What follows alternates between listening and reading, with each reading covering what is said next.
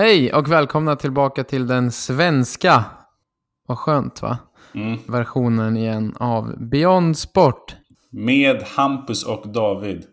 Idag har vi återigen besök av en fotbollsspelare. Nu håller vi på att bli en direkt konkurrent till Olof Lund här och hans eh, fotbollspodd.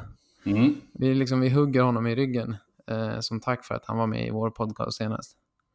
Allting handlar ju om att location, location, location. Att man kan bara liksom dra benefit av att ligga två stycken bra restauranger nära varandra istället för att ligga ensam. Så är det. Tror du att... Jag tror Olof Lund sitter i sin lägenhet i Gamla stan och fryser och är glad samtidigt.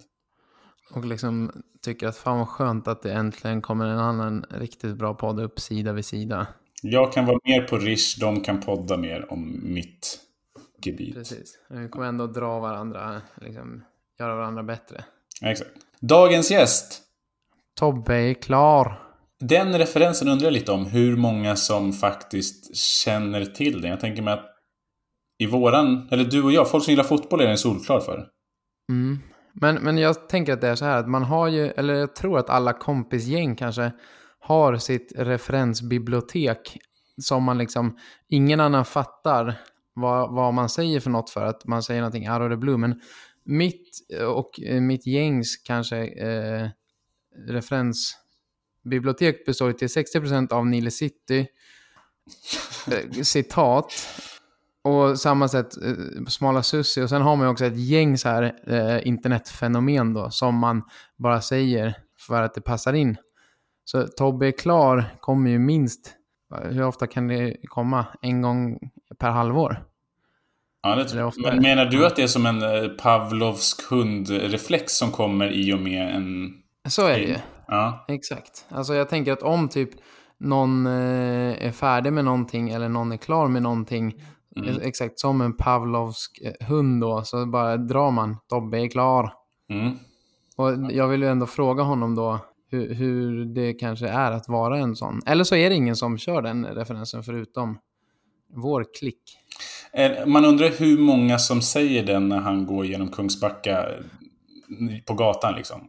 Där har vi en tydlig fråga till honom. Mm. Topp. Det ska vi ta reda på. Mm. Tobbe, han heter alltså Glenn Tobbe Hussein. Fan vad han måste vara trött på att folk snackar göteborgska. Alltså fy fan. Och han måste ju vara trött på att Tobbe är klar. Vad vet vi om Tobbe Top of Mind? Eh, top of mind, vi är ju bägge mer eller mindre djurgårdare. Och eh, jag kommer väl mest ihåg honom från, eller jag kommer ihåg som att det var länge sedan. Men eh, jag eh, har mina största intryck av honom från Djurgårdstiden i alla fall. När han var med och tog SM-guld 2005. Si. Ja, och eh, sen har han ju varit eh, i Sunderland och i Kina och i Göteborg. Och eh, svenska landslaget en del. Mm. Väl, du då? Ja, jag har samma. Och eh, ett minne av att Soran Lukic sa att när han var... Tobias Hysén var på väg till Lyn i Norge. Och precis som han skulle dit så fick han kontakt av Djurgården. Och Soran Lukic tog tag i honom och sa att kommer du hit så kommer jag göra dig till en landslagsspelare. Det kan jag lova dig. Vilket fick Tobbe att bli såld. Eh, och köpte det. Gick till Djurgården och mycket riktigt så ett år senare så spelade han i A-landslaget. Jag har ju i vår research här läst att eh, han hade varit och träffat Lyn, det norska laget. Och på väg hem i bilen först Mm. så ringer Bosse Andersson. Eh, Mm. Den numera väldigt så här household Mm. sportchefen i Djurgården. Och kort och kryptiskt, vi får fråga honom om det, men kort och kryptiskt sa vill du spela för Djurgården? Ja, det kanske jag kan göra. Bra, vi hörs. Och sen hade han liksom lagt på och eh, ja, Tobias undrade då vad fan det var frågan om. Eh, blev nyfiken och eh, intrigued. Och sen antar jag att kanske Soran har ringt då i sådana fall. Och resten är historia. And the rest is as we say, historia. Japp. Då gör vi så här. Let's play that funky music. Låt oss gå in i att välkomna Tobbe Hussein in i studion. Ja, presentationen idag kommer att vara lite mer, eh, vad ska man säga? Fl- inte flummig kanske, men lite mer konstnärlig. Ja, okej. Ja, sådär. Spännande. Ja, vi får hänga med. Ja. Så här. Om din aktiva karriär liknas vid ett polaroidkort som är otydbart och suddigt till en början, som när du var i Lundby och sedan tog steget till Häcken istället för det självklara valet som fyra andra ur släkten Hussein redan gjort och skrev på för IFK Göteborg, till att kortet sakta, sakta börjar bli mer och mer tydligt. Bilden kan nu ses som, ett, som en internetsida som laddade upp i början av 90-talet och halva bilden visar några år senare efter att ha spelat i Djurgården, gjort A-landslagsdebut samt tagit upp Sunderland i Premier League så blev saknaden för stor än skräcken var att berätta om hemlängtan till Irlands svar på Gunvar Larsson, tillika Manchester United-legendaren Roy Keane. Fotografiet var vid det här laget kanske lite knöligt och hade eventuellt tappat lite av de självklara färgerna. Så som kort som levt ett liv värt att levas gör men kortet var inte längre tummat i kanterna av hemlängtan. Kortet försökte, inte långt därefter, att intala sig att en träff med en kinesisk konservator i Shanghai skulle ge fotografiet tillbaka de färger som bleknat. Och intala sig att oavsett hur det går, så blir det ett äventyr. Bilden var spänd på ny ram, men färgen var inte den rätta. Även om det blev ett äventyr. Om sorg är hemlös kärlek så var hemlängtan den sorg som var utan hem ännu en gång. 2016 hittar bilden hem till lilla Londons egna Sphinx, Feskekörka. Och två år senare, 2018, bestäms att lägga kortet i lådan på vinden av minnen. På fotografiet syns allt från SM-guld, landslagströjor och en visdom om att ingen framgång någonsin kommer vara lika viktig som relationerna och närheten till människorna som varit en del av att ha gett bilden sin färg och dess tummade kanter. Nu tas istället ett nytt kort, bilden är inte lika suddig som det som just lagts undan, men heller inte lika klart som det första. Med de orden önskar vi dagens gäst välkommen till Beyond Sport, Glenn Tobias Hussein. Tack så jättemycket. varsågod. Du har, du har så många bottnar David. Ja, det var sjukt. Den presentationen har jag aldrig fått förut, det kan jag garantera. Men det var det jag var ute efter. Ja, då lyckades du bra. Fint. Är det någonting i den här abstrakta presentationen som du, du känner att du vill kommentera specifikt, Tobbe? Eller hur? Nej, nej. Jag tycker den var klockren. Det är bara att köra. Jag tänker också att våra lyssnare kommer behöva lyssna igenom den här tre gånger för att liksom förstå vad det är som ja, har hänt egentligen. Men vi kan väl börja med att du, du var ju... Du tog ett val när Lundby åkte ner i division 2, om jag minns rätt, och gå till Häckens... Var det u lag Ja, Tipselit hette det ju på den tiden. Det var ju den satsningen som gjordes. Ja, jag vet inte exakt när den började, men det var ju en satsning som skulle göras för att man skulle få spela juniorfotboll något år till. Då, att det skulle bli något sorts eh, mer naturligt steg mellan eh, juniorfotboll och A-lagsfotboll egentligen. Eh, så det startades ju upp Tipselit 2000 hette det väl ett tag, tror jag till och med. Eh, så där, jag gick till, till Häckens Tipseli-trupp. Eh, Lundby som sagt åkte ner i tvåan och jag spelade två matcher på hösten för Lundby division 1 södra. Men eh, mm. tyckte att det var ett bättre steg för mig att, att spela ungdomsfotboll, eller ungdomsfotboll, men att, att inte spela A-lagsfotboll i alla fall eh, något år till. Då. Så därför så valde jag att flytta dit. Det, var det inte också en eh, kombination av att det var väldigt många talangfulla i just IFK Göteborg och du, Hans Sonny Karlsson hade du på gymnasiet, eller? Eh, alltså, ja, det fanns ju intresse från IFK Göteborg också när jag skulle lämna Lundby. Eh, jag hade mm. varit på sommarproffs hette det, eller heter det. Jag vet inte om de har kvar det, jag tror inte det. Men, eh, och fick ett erbjudande från IFKs tipselit likadant att, att komma dit inför eh, 1999. Då. Men eh, precis som du sa, de hade, de hade landslagsspelare på nästan alla positioner i sitt U-lag. Eh, nålen upp till A-laget som man måste ta sig igenom nålsögat då för, för att komma upp i ett, ett A-lag i IFK Göteborg på den tiden var extremt mycket svårare än vad det kanske är nu. Då. Um, så att helhetsmässigt så kändes, det, så kändes det mer rätt. Sonny Karlsson var egentligen inte inblandad i Häcken då så mycket utan han var min gymnasielärare på, både på, på idrott och på, som fotbollsgymnasielärare. Då. Han, han hade en koppling till Häcken på så sätt att han hade spelat där men, men min min koppling med Häcken egentligen var att jag hade spelat med Kim Källström i, i Göteborgslaget i alla år. Och hans pappa var tränare i Tipselitlaget som, som jag kom till då. Ehm, så det var väl mer den kopplingen i så fall som, som var.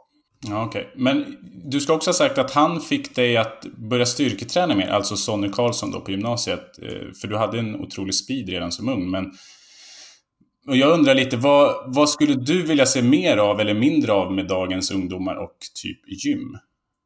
Ja, alltså det, det finns väl olika filosofier där. Liksom. För mig var det jättebra att för mig var det jättebra att han satte fingret på vad det var jag behövde. Jag har alltid varit ganska kvick men, men ganska smal och tanig när jag var liten.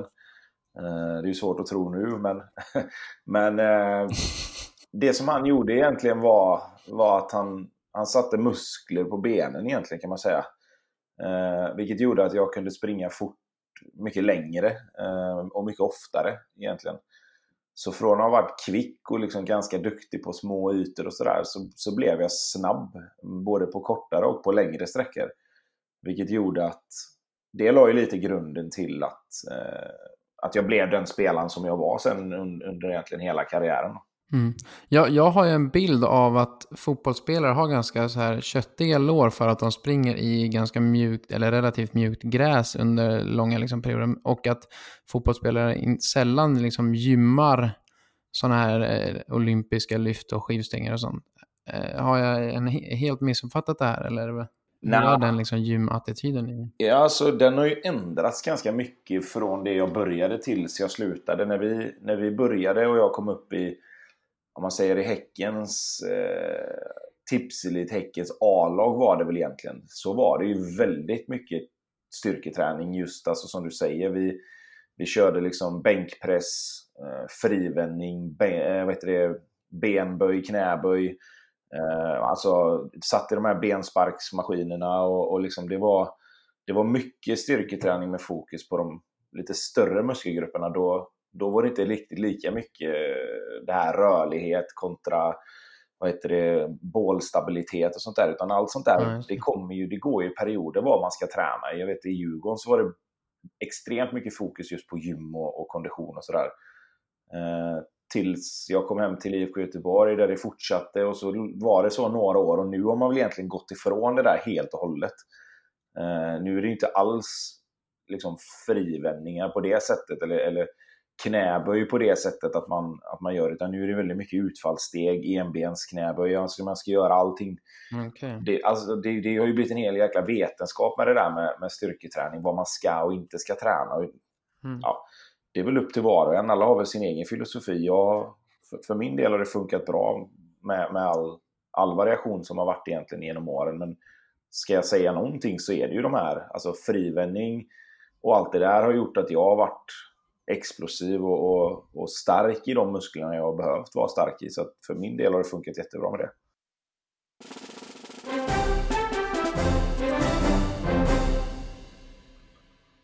Jag vill spola tillbaka bandet lite innan vi går vidare med det här. Du växte ju upp när din pappa Glenn var stjärna i Liverpool och har förmodligen fått frågan om hur det var eh, massa gånger. Så vi tänker att vi vänder på det. Hur tror du att det var för din far att uppfostra ett barn samtidigt som han spelade i ett av världens bästa fotbollslag? Ja, till att börja med så bodde ju vi aldrig med farsan när han var i Italien och, och England. Utan då var jag och min syster och min mamma bodde ju hemma i Sverige. Eh, farsan och morsan skildes okay. rätt tidigt.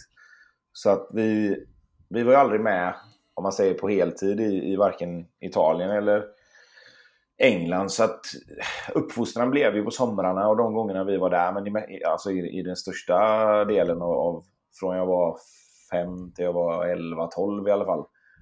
Så var det ju morsan mm. som, som skötte det liksom. Mm, okay. Förstod ni vad, liksom, om, i den åldern då, förstod ni vad, vad han gjorde och vad det innebar? Nej, precis. Eh, att, att de skilde sig, det förstod man väl när man blev några år äldre sen.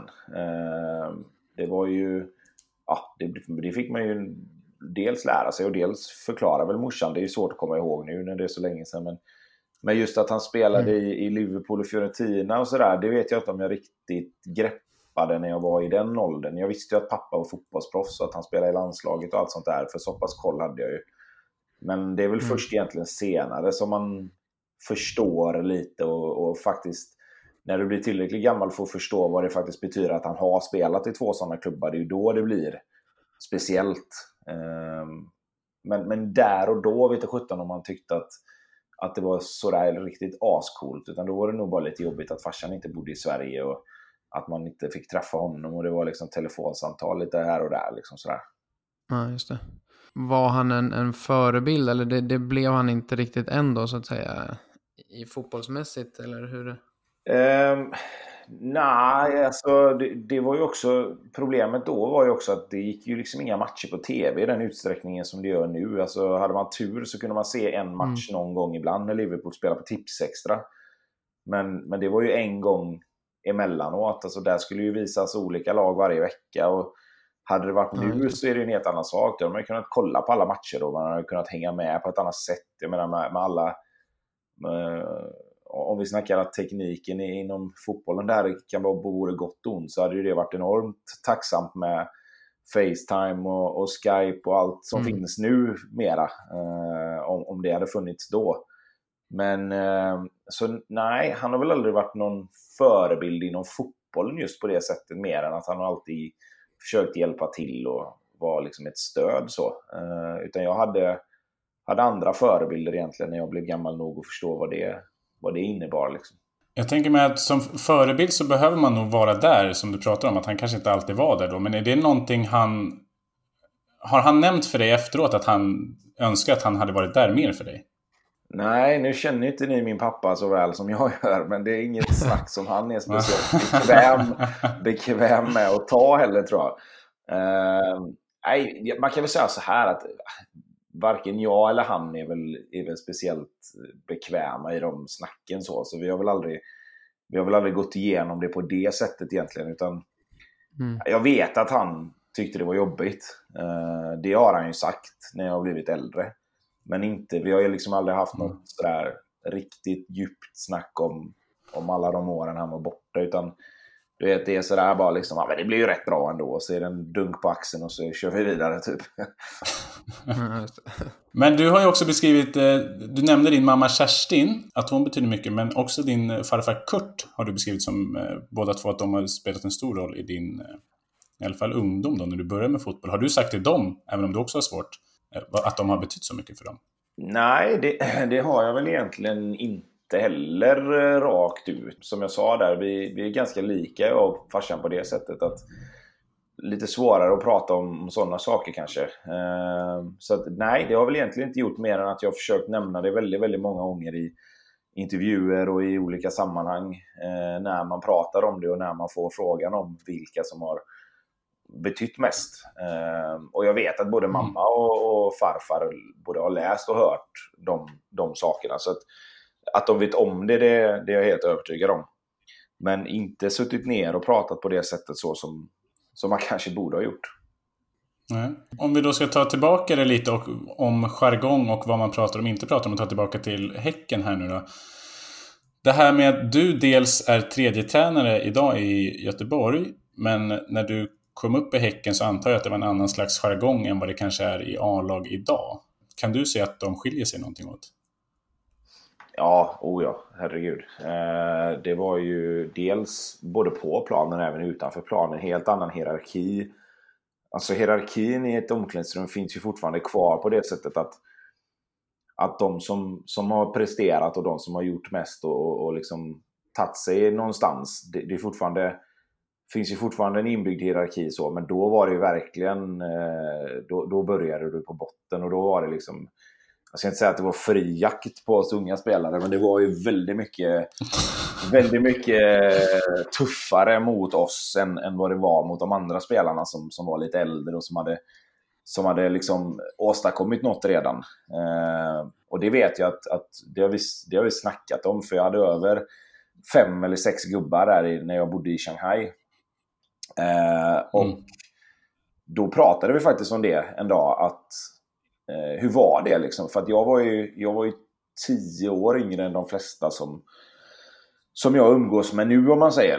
Eh, och alla de var ju rätt etablerade när jag kom upp och det var ju några som, som var riktiga as. Liksom.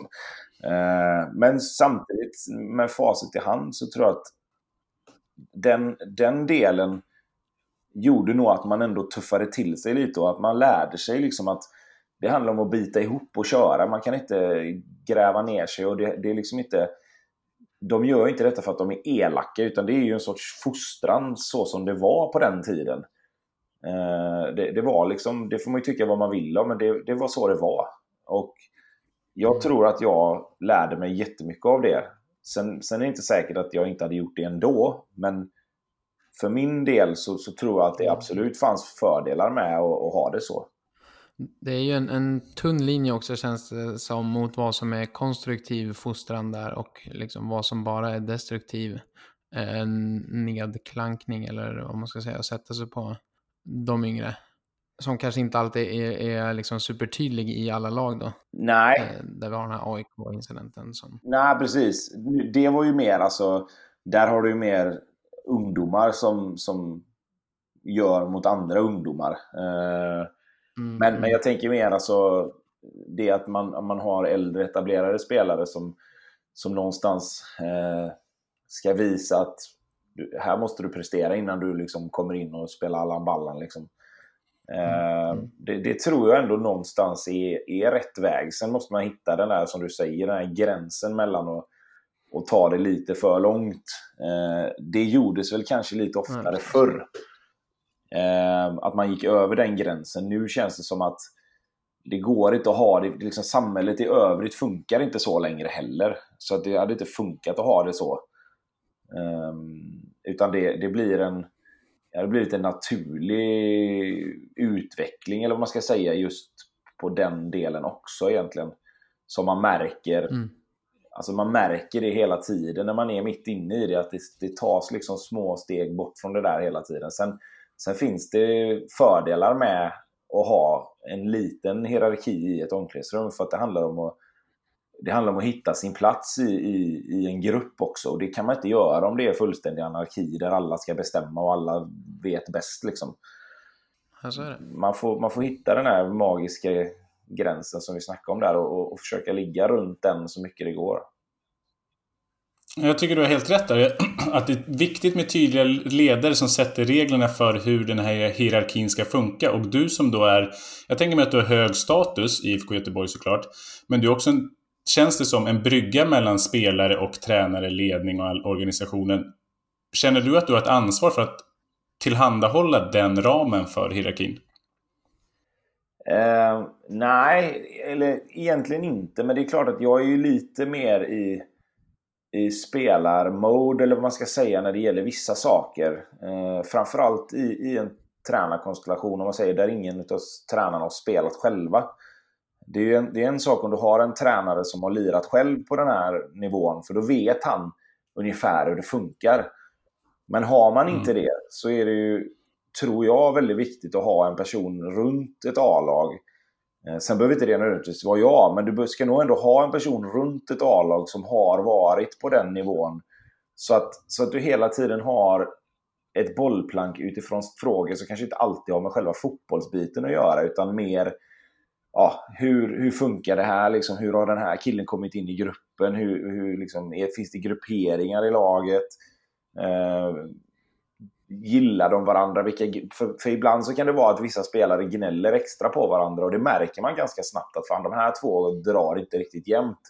De, de gnäller mm. gärna på varandra under träningar, de har lite svårt för, för varandra och då handlar det väl mer om att, att få de där spelarna att, att förstå att ni behöver inte älska varandra men ni ska heller inte gå runt och älta saker.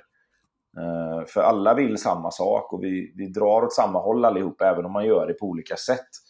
Så, så det är väl mer i en sån roll där man kan ta någon åt sidan då liksom och försöka förklara att lyssna nu, så här är det. Du är tio år yngre än den här killen. Du, du, får, du får lära dig att du kan inte alltid bara käfta emot för att då kommer du få alla de andra äldre emot dig också. Um, mm. och, och, där har vi ju liksom, det, det, är ett tydligt exempel och det, det vet han ju om. Och det, liksom, jag har ju en, en kille, Emil Holm, då, som har kommit upp i A-laget i år. Som, som, han var lite sådär, han hade inte riktigt den finkänslan i början att, att bara hålla käft. Utan han, han tyckte att han hade rätt att, att, att, säga tillbaka. Och det är klart att man ska inte bli överkörd på något sätt. Men, men han bor ju här precis där jag bor. Och då satt vi, har vi samrått mm. många gånger. Och då har jag försökt förklara för honom att jag säger inte att du har fel när du säger till, men bara så du vet, när du, när du börjar käfta emot mot Sebastian Eriksson och Lasse Vibe så kommer du få alla de andra spelarna emot dig. För att det kommer bli en grej att trycka till dig, för att de vill att du ska köta tillbaka så att de kan be dig att dra åt helvete mer eller mindre. Eh, och, och det som sagt, det är den balansen man får försöka hitta, framförallt då med en ung kille som kommer upp. Benjamin Nygren hade likadant i början att han, han tog liksom ingen skit. Och det, det, ska man inte göra, men man ska heller inte käfta emot i varje situation man tycker att, att man har rätt att göra det. För till slut så, så blir det ett irritationsmoment bara. Ja, det tänker jag är intressant också. Jag skulle vilja höra ditt perspektiv om hur unga idag bör hantera tålamod. Allt från att byta klubb till att vistas i en miljö där det finns tydliga hierarkier. Till exempel hur det här med att hantera som juniorspelare att gå från att vara en av de bästa juniorerna till att vara de sämsta i ett A-lag, eh, något som de flesta talangfulla måste genomgå. Du spelar till exempel två matcher ditt första ett och ett halvt år i A-laget. Hur, hur lär man en ung person att hantera det? Det är extremt individuellt skulle jag säga. Eh, framförallt så är det ju folket som är runt omkring. Föräldrar, agent, eh, tränare framförallt som, som måste nå fram till en ung kille och förklara för honom att det är mycket möjligt att du kanske skulle ha startat en match men, men vi vill inte kasta in dig när, när laget inte fungerar till exempel. Eller det kan vara så att laget fungerar men att den här spelaren har gjort jättebra inhopp men man vill inte ändra på någonting för saker och ting funkar. Um, det, det, är liksom, det, det, är ju liksom lite det som är, som är grejen med då. Att till exempel som förra året när när inte så mycket fungerade för oss. Vi låg i botten och vi kämpade för att, för att hålla oss kvar och slippa kvala. Och att då kasta in Benjamin Nygren helt plötsligt i, i, ett, i ett lag som inte har någon sorts harmoni överhuvudtaget. Det är inte säkert att det hade gjort honom bättre. Även om han hade fått speltid. Nu fick han det lite på slutet ändå. Men, men jag säger mm. bara att i, i det fallet så kanske man inte ska, för då börjar det här skriket. Men släng in de unga killarna, de är mycket bättre. Ja, visst gör det då. Och så får IFK Göteborg kvala och så åker vi ur. Och så har, vi, så har de här unga killarna varit med och spelat ner IFK Göteborg i Superettan. Jag tror inte det sätter sig så bra i deras skallar. Liksom. Eh, och det, mm. det, det är sådana saker som spelar in med. Liksom. Och, och där tror jag att framförallt föräldrar och agenter, som jag sa i början, måste, man måste ha en plan och man måste förstå att man behöver inte ha så jäkla bråttom alltid. Eh, det, det, räcker och, det räcker att vara med och se och lära och sen givetvis så ska man utvecklas och försöka att ta en plats så fort man kan. Men, men skulle inte det hända så är det inte panik. Liksom.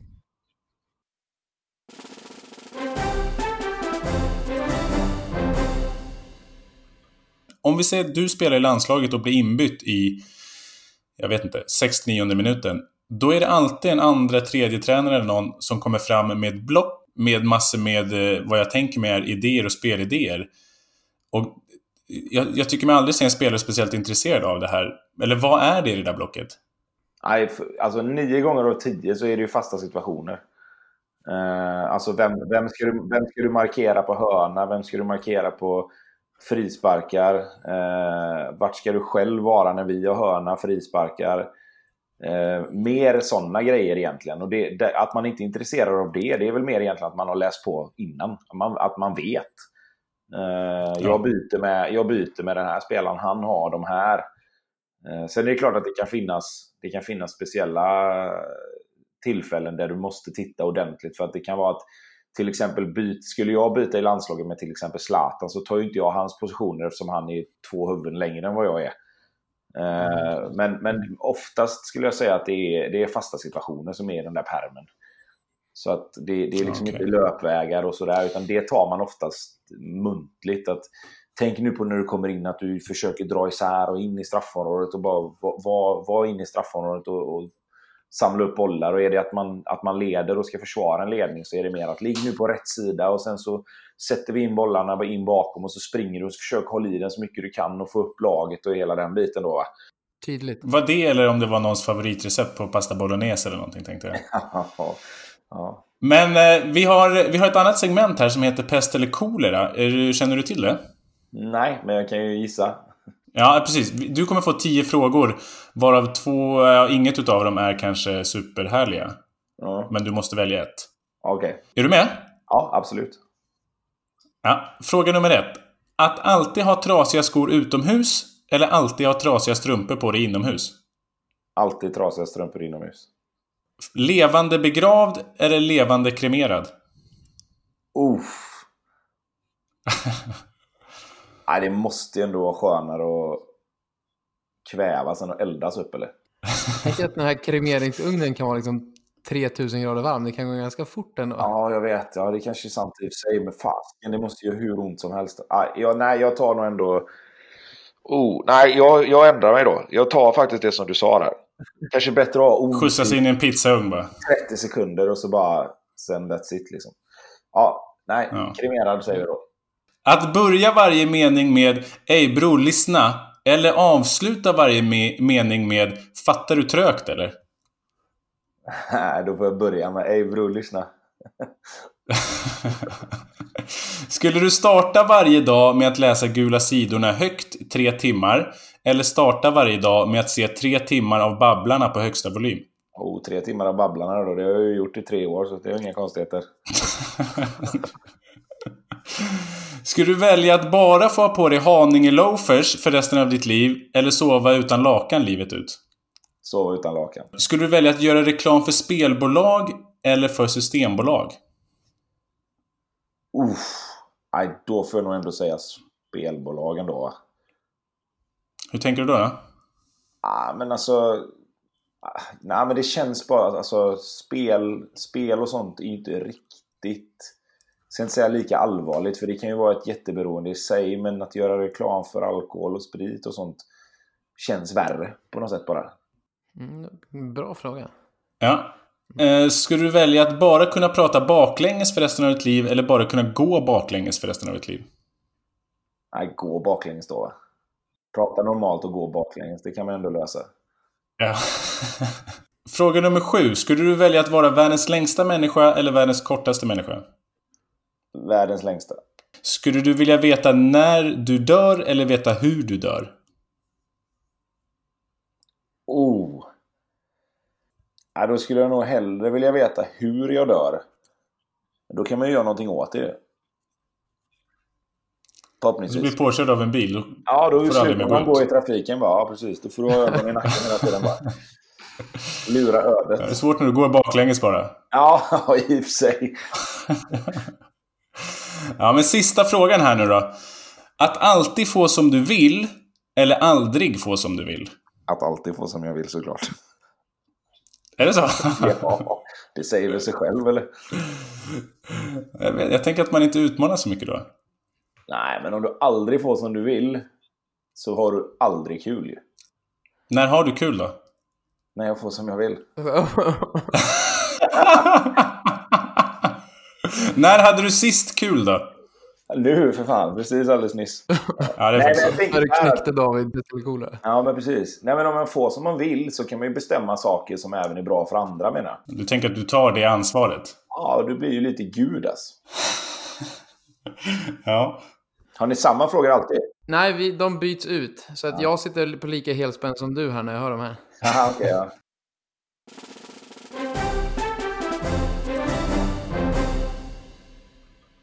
Om vi ska gå tillbaks lite i, till vår kronologiska ordning som någonstans ligger i bakgrunden.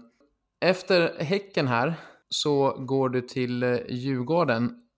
Jag har läst någonstans om att du var ett hårstrå ifrån att gå till Lyn istället. Ja, Vill du ta oss igenom vad det var som hände? det kan jag absolut göra. Det var så här att vi misslyckades med att kvala oss upp i Allsvenskan med Häcken. Och jag hade ett år kvar på mitt kontrakt. Och kände mig väl ganska färdig med Superettan. Jag hade etablerat mig i u landslaget och varit med och eh, gjort viktiga mål som hade tagit oss till EM-slutspelet 2004 på sommaren där. Eh, och detta var slutet på 2003. Så jag sa väl till Häcken mer eller mindre att jag vill göra något annat. Jag skulle vilja ta nästa steg. Eh, och de var på det klara med det. De ville givetvis att jag skulle stanna kvar, men, men de, de sa bara att vi, kommer det någonting så diskuterar vi, så det är inga konstigheter så. Så då kom Lyn eh, från Oslo som kom trea i norska högsta ligan 2003 då. Och ville att jag skulle komma dit. Så jag åkte upp dit tre gånger, tror jag. Eh, skrev på mitt individuella kontrakt. Och var där uppe och gjorde fystester och dylikt för att få med mig ett schema hem som jag skulle sköta under december för att komma tillbaka i januari förberedd. Och på sista resan upp till Oslo när jag var på väg hem så sitter jag i bilen ihop med Henrik Dahl som var en gammal lagkamrat från Häcken som också skulle skriva på för, för Lyn. Och då ringer min ja, nuvarande fru då, sambo, och säger att Bosse Andersson är från Djurgården och jagat dig hel, letar efter dig. Han har jagat dig hela dagen. Eh, ring honom. Jag bara, mm. ja okej. Okay. Ja, och, ja, visst. Så jag fick något nummer där, eller om han ringde mig. Jag kommer inte ihåg exakt hur det var. Men då säger han i alla fall när jag sitter där i bilen. Bara, tja, Uh, är du klar för Lyn? Bara, nej, jag har skrivit på mitt kontrakt. Men okej, okej. Okay, okay. uh, vill, du, vill du lira för Djurgården? Och jag var ju 21 och precis hade skrivit på mitt kontrakt där uppe. Och liksom, ah, men nu är det så här att jag har skrivit på. Så ah, fast det var inte det jag frågade, säger han. Vill du spela för Djurgården? Och jag bara... Ja, det är bara en ja eller nej, liksom, sa han. Jag bara, ja, jo, ja, ja. Ja, bra, det hörs. Och så la han på luren. eh, och där satt jag och bara, vad fasiken hände? Eh, och berättade för Henke då som satt bredvid. Och vi började snacka lite där och han bara, du, du, du måste göra det. Du måste göra det. Eh, Djurgården hade vunnit SM-guld två år i rad. Skulle spela Champions League-kval och det var liksom dit de unga bra spelarna gick just då. Så att jag kom hem, det här var en torsdag vet jag. På söndagen skulle Häcken egentligen ha klubbat igenom försäljningen till Lyn, men på söndag förmiddag så ringer eh, Åke Nilsson som var Häckens ordförande på den tiden och sa att vi kommer inte göra någon deal med Lyn, vi kommer att komma överens med Djurgården så du har våran tillåtelse att åka upp dit. Så på onsdagen så åkte jag till Stockholm och så blev jag klar för Djurgården istället. Och det var ju sådär populärt hos hos Lyn såklart. Ja, jag kan tänka mig. Men äh, får jag bara sticka emellan här och fråga. Hade Häcken, eh, var liksom, hade du bett Häcken att göra det här? Eller var de liksom, ville de göra det hellre med Djurgården? Eller var det du som sa att jag har liksom trampat i klaveret här? Nej, utan det som hände var att de sa nej till Lyn. Eh, jag var fullt inställd på att om Häcken och Lyn kommer överens så, så går jag till Lyn. Eh, det var jättebra, okay. det, det, var jättebra allting där uppe. Och, alltså laget var bra. Ehm, som sagt, det var ju Europa League eller Uefa Cup-kval där också, så att det var inga konstigheter. Jag mm. hade inga problem att gå till Lyn. Sen är det klart att jag hellre hade gått till Djurgården, men, men Häcken sa ju bara blankt nej till Lyn sen. Och sa till mig att du, du har inte, Lyn inte med i bilden längre, utan nu har du antingen stannar du hos oss eller så går du till Djurgården. Eh, och då var ju valet enkelt för min del. Då var det bara att åka upp och komma mm. överens med Djurgården egentligen. Och det, det gjorde jag ganska snabbt. Så det, det, var inget, det var inget att fundera på, utan då, då blev det Stockholm istället. Kan inte du ta oss igenom när du kommer upp då? För jag antar att det är Bosse som möter dig. Och Bosse känns ju som en kombination av Knut Knutsson i Antikrundan och han i Catch Me If You Can-filmen. Vad händer när du kommer upp till Stockholm? Ja, jag kommer upp, jag flyger upp till Stockholm och ja, som du sa, eh, Bosse Andersson och jag tror att Bosse Lundqvist som var ordförande var med också, eller om vi åkte och mötte honom. Eh, det kommer jag inte ihåg exakt. Men jag, jag käkade i alla fall lunch med Bosse och Bosse. Jag kommer inte ihåg i detalj allting som sades, men jag vet att de bara sa att vi, vi vill att du kommer upp och vi har sett dig i U21 och vi har sett dig i Häcken och vi, vi vill att du kommer till oss. Sen åkte vi och träffade Soran Lukic och Stefan Rehn och likadant där att ja, de, de hade en tydlig plan för, för hur de skulle använda mig och Soran sa som han sa till alla att kommer du till Djurgården så kommer jag göra dig till landslagsspelare. Det var ganska sjukt för mig som ändå hade spelat Superettan och det var liksom SM-guldtränare två år i rad som sitter och, som sitter och säger att de gärna vill att jag ska komma dit. Så att, äh, det var väl ganska solklart beslut när, när jag kom hem från Stockholm och farsan var, var med där uppe och, och, äh, eller jag träffade faktiskt farsan av en händelse där uppe. Han var med och förhandlade kontraktet sen. Eh, också en jävla Det här får vi ta oss igenom här nu. Nej, alltså jag, jag, har, jag har liksom inte helt hundra minne, men jag har för mig att han var i Stockholm och på något sätt, någon anledning. Så han kom och, och var med och hjälpte till att förhandla kontraktet. Liksom. Uh, för jag hade ju agent, men, jag hade agent men inte, han var inte licensierad då, så han fick inte sköta några förhandlingar. Och det fick ju pappa göra då i, i, i, i? Mm, okay. I och med att han var familjemedlem. Så han, eh, vi satte väl oss där och diskuterade lite snabbt och så sa han bara, ja, men det, med hjälp av min agent Jonas då, så sa de bara, men begär det här. Och så begärde vi det och så sa de bara, ja men då kör vi på det. Ja, ja det var bra. Så då var det allt klart och så signade vi kontraktet och sen så skulle det bara klubbas igenom då och det gjorde det. Så att eh, det här var väl någon gång i mitten på december om inte jag minns fel. Och sen 5 eller 6 januari tror jag så flyttade jag upp till Stockholm. Ja. Och Soran fick rätt i sin eh, prediction där med eh, att du skulle spela i landslaget? Ja, det får man väl säga. Han hade ofta rätt. Mm. Och, och sen drog du till eh, eh, Sunderland efter... Hur, hur, länge var du i, i Djurgården? Eh, två och ett halvt år i Djurgården, sen Sunderland. Med tanke på det vi snackade om tidigare med omklädningsrumshierarkier och så här. Hur, hur uppträdde du och hur var det att komma in i det omklädningsrummet där för första gången? Kulturmässigt. Ja, nej men jag eh, hade väl en ganska klar inställning att jag skulle åka dit och, och de, dels vara mig själv men framförallt se lite var man skulle passa in. Alltså, de köpte ju mig som, som, om man säger, inte landslagsspelare, men jag var ändå reserv i, i Sveriges lag 2006 till VM där. Och det är klart att det, det bär ju med sig en viss press när man kommer in att nu har de köpt mig här som... De låg sist i Championship när jag kom och det var liksom en av värvningarna som skulle på något sätt vara med och vända den här dåliga trenden de hade hamnat i. Så att det är klart att jag... Jag tog väl ingen större plats och, och gjorde ingen större väsen av mig, men jag försökte väl på plan och, och vara desto mer framåt. Eh, och första matchen var ju mot West Brom hemma och jag fick spelat fram till ett mål och missa upp ett mål från typ två meter eller någonting. Det första jag gjorde, kändes som.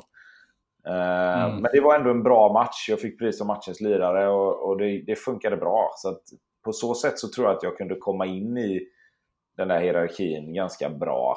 Eh, jag har alltid haft ganska lätt för att anpassa mig också till olika grupperingar och sådär. Så, så jag tror inte det var något större problem.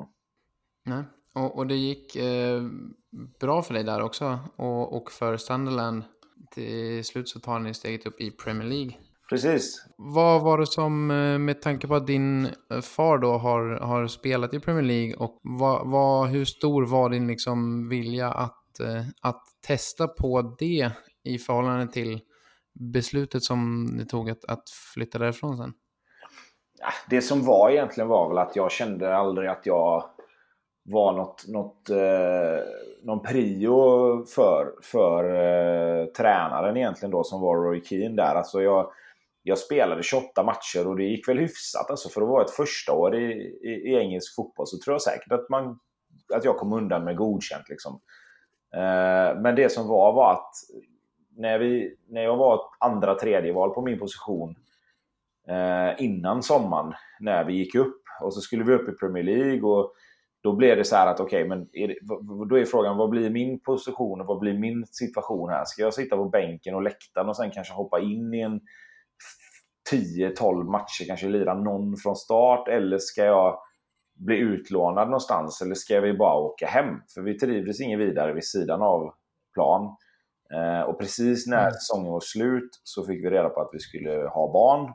Eh, och då blev det också en en grej att när du får reda på att du ska ha barn och du är lite osäker på vad du vill göra eh, och så ska du hem på semester i nio veckor tror jag vi hade semester. Och du är hemma bland familjen, du är i Göteborg. Eh, vi hade ju bott i Stockholm dessutom två och ett halvt år innan England så det var ju tre och ett halvt år vi inte hade varit i Göteborg. Eh, och så vet man att fan vi ska bli föräldrar. Det är mycket som är rätt gött med att vara hemma. Eh, och sen givetvis att jag hade inte spelat i IFK Göteborg innan. Eh, det var en, en dröm jag hade och när det blev helt plötsligt att om du bara, kan du bara se till att de släpper dig för någorlunda pengar så, så kan IFK Göteborg signa dig. Liksom. Då kommer du mitt in i ett guldrace med IFK Mm. Göteborg istället för att sitta på läktaren bara varannan vecka. Eh, även om det var Premier League och även om det kanske hade... Man vet ju aldrig. Jag kanske hade utvecklats som fan med, med, med nya spelare och den tränaren till slut. Och sen har det gått skitbra. Men då var det liksom inte aktuellt. Utan då var valet ganska enkelt att, att ta. Att när Blåvitt ville så gärna att jag skulle komma hem och, och allting som var runt omkring, som jag sa med familjesituation och sådär, så, så ville jag, jag ville till IFK eh, egentligen. Det var inte svårare än så. Du, säger att, att ni inte trivdes eh, i England riktigt. Eh, och jag tänker på hur det funkar med den man lever med måste det också funka för. Och även om ni hade samma väder som ni har i Göteborg, tänker jag mig i England. Men vad var det rent konkret ni inte var nöjda med? Uh, nej, men det, det är svårt att säga. Jag tror, jag tror varken jag eller min eh, sambo eller fru som det är nu, och jag tror inte vi var riktigt redo för att flytta utomlands och, och starta upp igen. Vi hade gjort det när vi flyttade från Göteborg till Stockholm, men, men det, var inte, det var inte så svårt på det sättet. Men sen när man kommer till en... Alltså dels, det är, inte, det är inte jättesvårt att passa in i England egentligen. Språket får du ju automatiskt. Alla kan ju engelska från man går i fyran, femman liksom, så det var ju inga problem.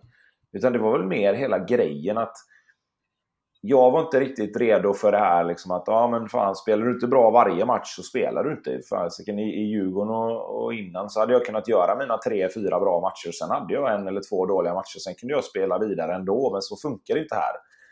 Eh, så jag tror bara att mycket, en del i det var det.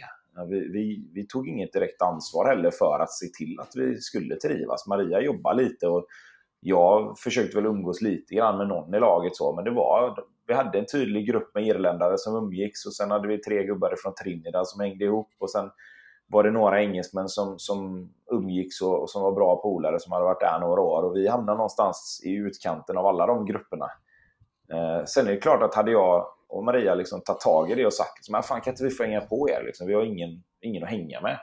Så hade vi säkert fått det. Mm. Men sen är, sen är alltså, man får tycka vad man vill, men spelarfruar är, är speciella.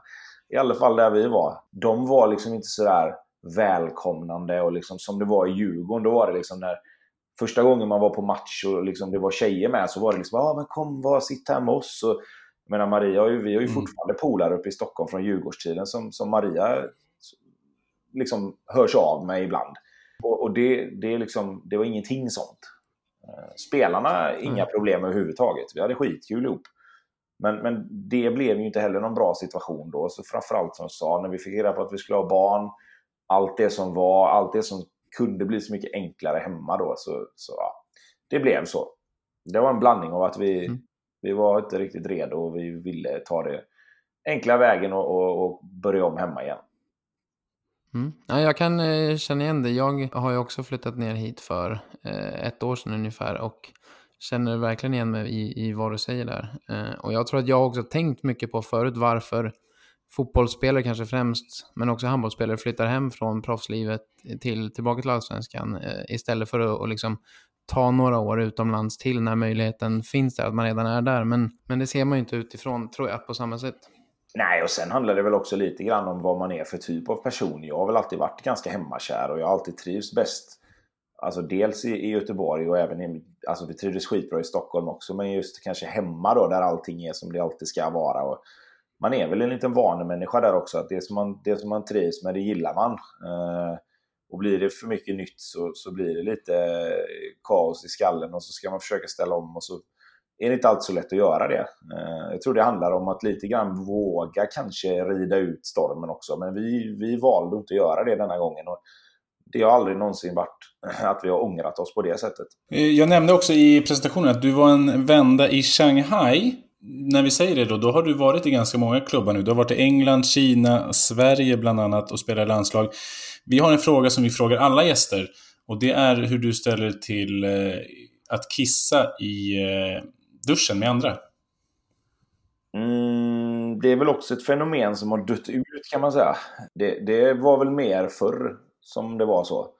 Och det var väl mer egentligen att när du står, alltså nu, nu har det varit väldigt, väldigt bra just i, i IFK Göteborgs omklädningsrum. För där har vi haft alltså pissoar inne i, inne i alltså en lite, lite avskild del av duschen.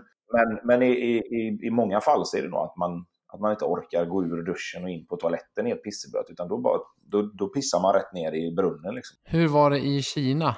Kissar kineserna i duschen? Nej, vet du vad? Det tror jag inte. Men sen så ska det också sägas att enda gången vi var i omklädningsrum egentligen, det var när vi spelade matcher.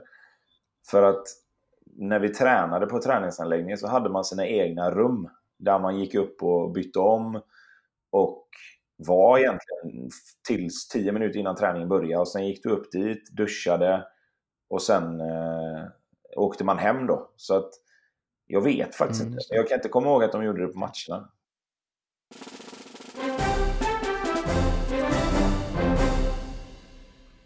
Ja, det här är du förmodligen trött på att höra om, men eh, eh Tobbe är klar. vi, vi, är du trött på att höra om det eller? Jag, jag, brukar alltid, jag brukar alltid tänka så här att det är, lite, det, är lite samma, det är lite samma med det här att man skriver autografer. folk kan fråga, är du inte trött på att skriva autografer? Jag bara, jo, ja, jag kan väl kanske vara det någon gång ibland. Men samtidigt får jag alltid tänka liksom att den som kommer och ska ha autografen kanske är där för första gången. Och då kan mm. inte jag ta i beaktning att jag har stått och skrivit autografer en timme innan. För att det blir helt fel mot den som faktiskt ska ha autografen som kommer sist. Uh, för det kan vara en, en, en, en, liten, en, en liten unge som liksom har stått och väntat i 30 minuter på att få en autograf och så kommer jag där och så bara viftar jag till med någon autograf och ser skitsur ut för att jag är astrött på att skriva autografer. Det blir ingen bra upplevelse mm. för den personen. Liksom. Nu blir det inte riktigt samma med det här snacket, men jag brukar alltid tänka att det, mm. det kanske är första gången som någon hör historien bakom. Och då får man berätta den likadant varje gång. Det är väl mer det, är väl mer det som, är, som är grejen tror jag. Den korta hisspitch-grejen är väl att eh, din pappa Glenn går upp på en bortamatch på läktaren och eh, tystar alla IFK Göteborg-fans och säger Tobbe är klar. Och så går han ner och så börjar alla applådera och förstår att du har skrivit på för Göteborg. Ja, i, i, stora drag. Ja. Han, han var alltid på bortamatcherna mot Kalmar. Eh, just. Han åkte med den, den bussen alltid till Kalmar och har gjort många år. Eh, som en sån här årlig grej. Och sen vet jag att då 07 så var han på läktaren eh, och så får de upp honom på räcket. Eh, klackledaren där tar upp honom på räcket och liksom, då blir det så här Ge oss en sång. Eh, och då bara slår det väl bakut för honom. Eh, inte, inte, bara, inte bara en öl innanför, eh, innanför västen utan då han, han, han skyller på att han inte vet vad han ska säga. Och jag sa bara, du hade kunnat säga exakt vad som helst men inte det. uh, för bakgrunden till det var ju att jag hade talat om för honom ganska tydligt i ganska många veckor att du får inte säga till någon att det nästan är klart. För att det finns jättemånga grejer med datum, hit och dit av skattemässiga skäl där jag inte får vara klar. Eh, mm. vilket, jag därför heller, vilket jag därför heller inte var till 100% för att det inte skulle gå att hänvisa till att ah, men du skrev på den dagen. Nej, det har jag inte gjort. Utan det är därför vi har skrivit på. Men det är klart att han visste att det var mer eller mindre klart och att det var små detaljer ifrån att lösa sig men att vi var tvungna att vänta då. Eh, därför gjorde ju hela, det, hela den grejen blev ju liksom, det var inte bara att han avslöjade det, det visste ju alla att det var jävligt nära. Men det var, det var ju mer att ja, alla heter Glenn i Göteborg, var inte den som kom upp i huvudet på han. Jag, eller vi och våra lyssnare här är glada att du berättade den som att det var första gången i alla fall. Då. Ja. Det är ju ja, en fantastisk ja, historia. Ja, det är faktiskt det.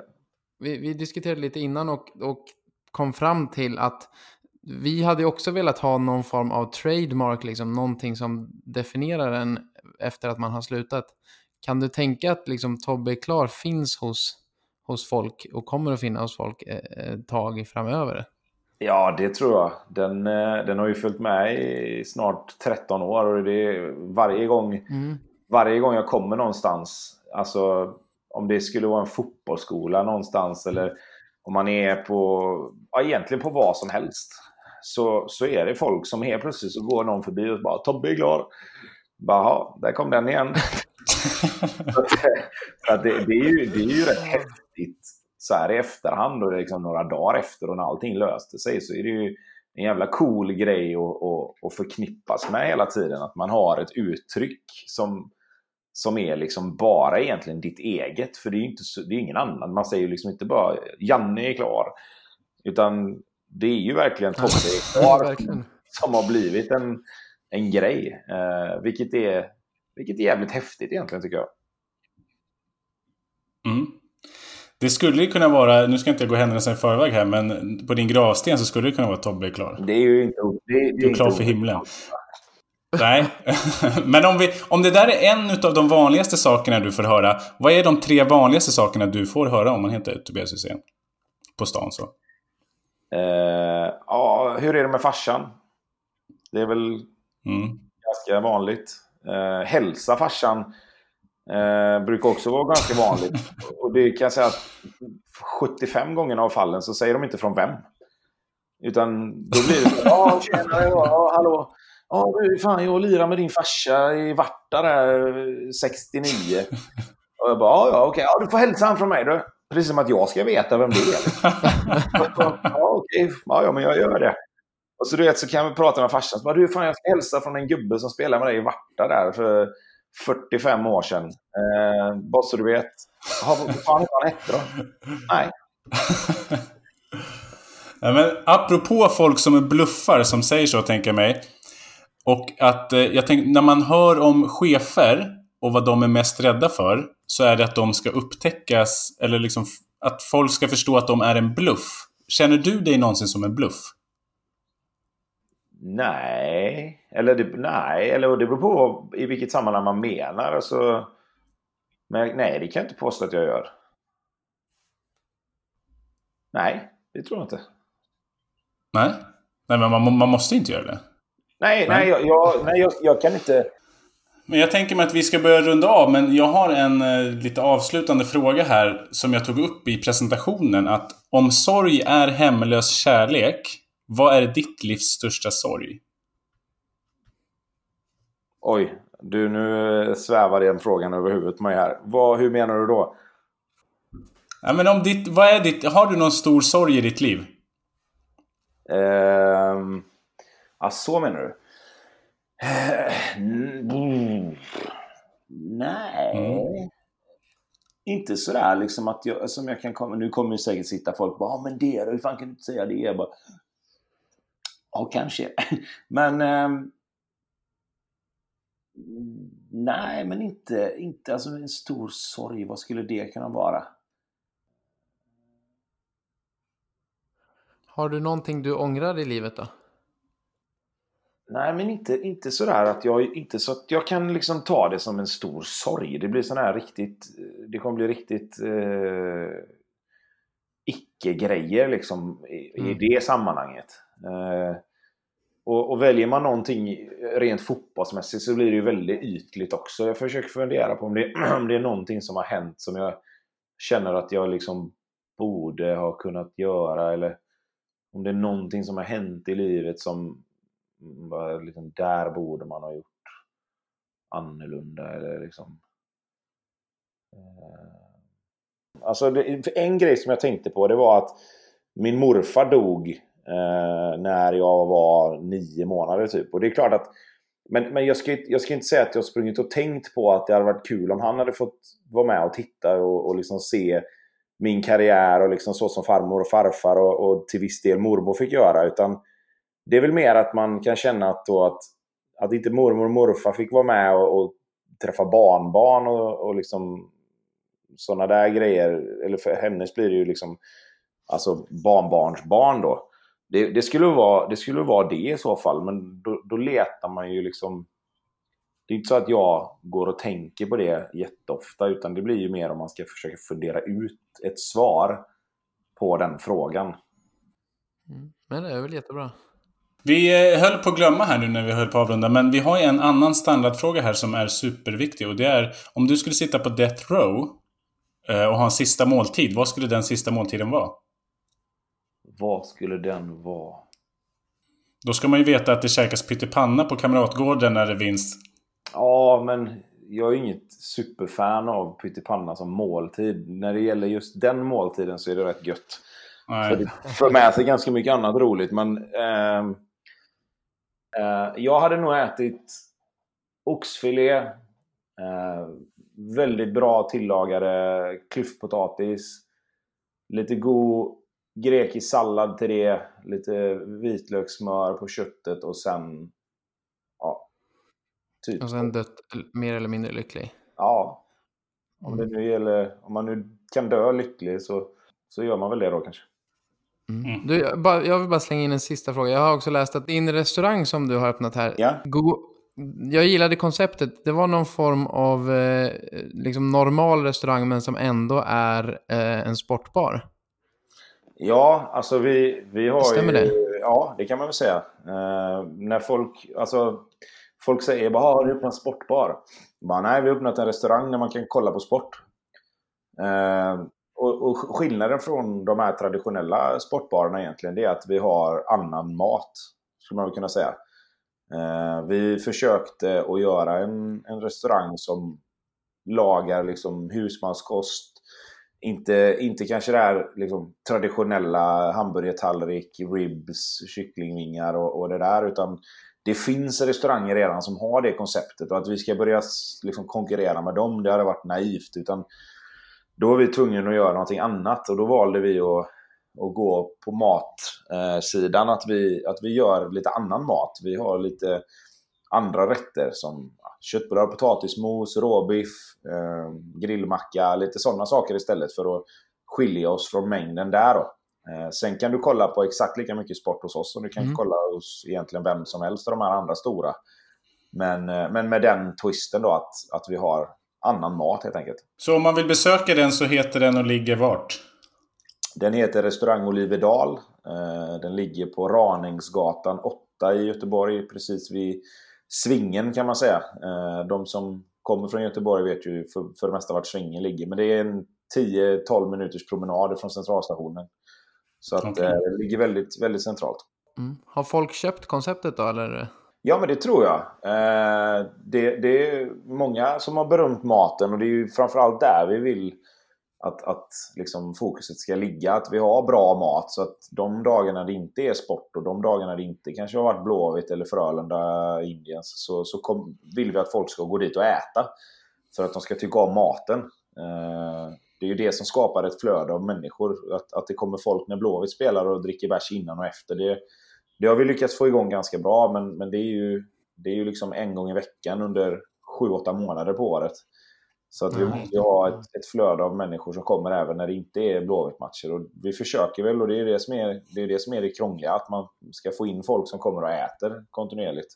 David, vi får ju dundra dit nästa gång vi är i Göteborg då. Det ska vi göra, absolut. Mm. Men Tobias, då får vi tacka dig jättemycket för att du ställde upp här. Tusen tack. Ja, tack själva. Det var roligt.